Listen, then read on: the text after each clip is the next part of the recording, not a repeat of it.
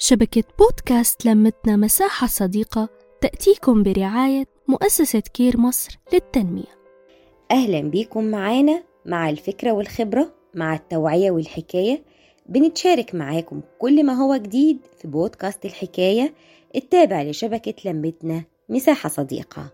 في مناقشة مع مي بنت صاحبتي لقيتها بتقولي ماما مش فهماني على طول بتزعق وبتدي أوامر مش عاجبها لبسي. ولا أسلوبي ولا طريقتي أنا مش عايشة زي باقي البنات ومش عارفة أتفاهم مع مامتي بنتي وصاحبتها وعلاقة الأم بالبنت اللي في سن المراهقة رحت لصاحبتي وسألتها ليه مزعلة مي بنتك؟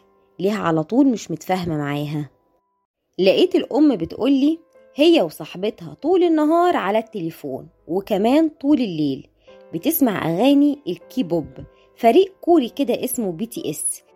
ولبسها بقى غيرنا خالص حتى لون شعرها بقت طريقته غريبة.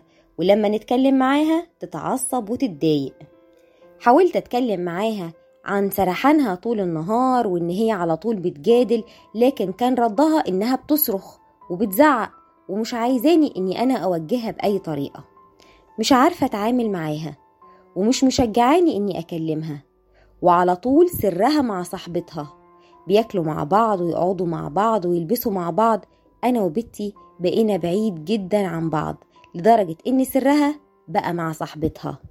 صعب جدا إن إحنا نبقى بعيد عن بناتنا في السن ده. كان ردي على صاحبتي أحضني بنتك وحاولي تعرفي لغتها الجديدة وتفهمي معاها بطريقتها. صعب إن إحنا نبعدهم عننا حتى لو كنا بنقسي عليهم من وجهة نظرنا لمصلحتهم. السن ده خطر والزمن بتاعنا ده محتاج إن إحنا نحتوي بناتنا مش نديهم أوامر ونصايح بشكل مباشر.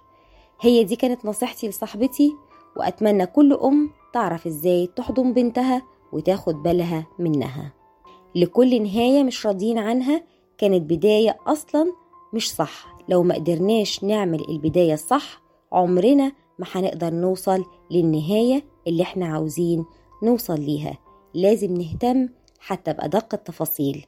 خالص تحياتي من بودكاست الحكاية التابع لشبكة لمتنا مساحة صديقة. كنت معاكم صفاء فوزي. كل الحب. نحكي نتشارك نتواصل.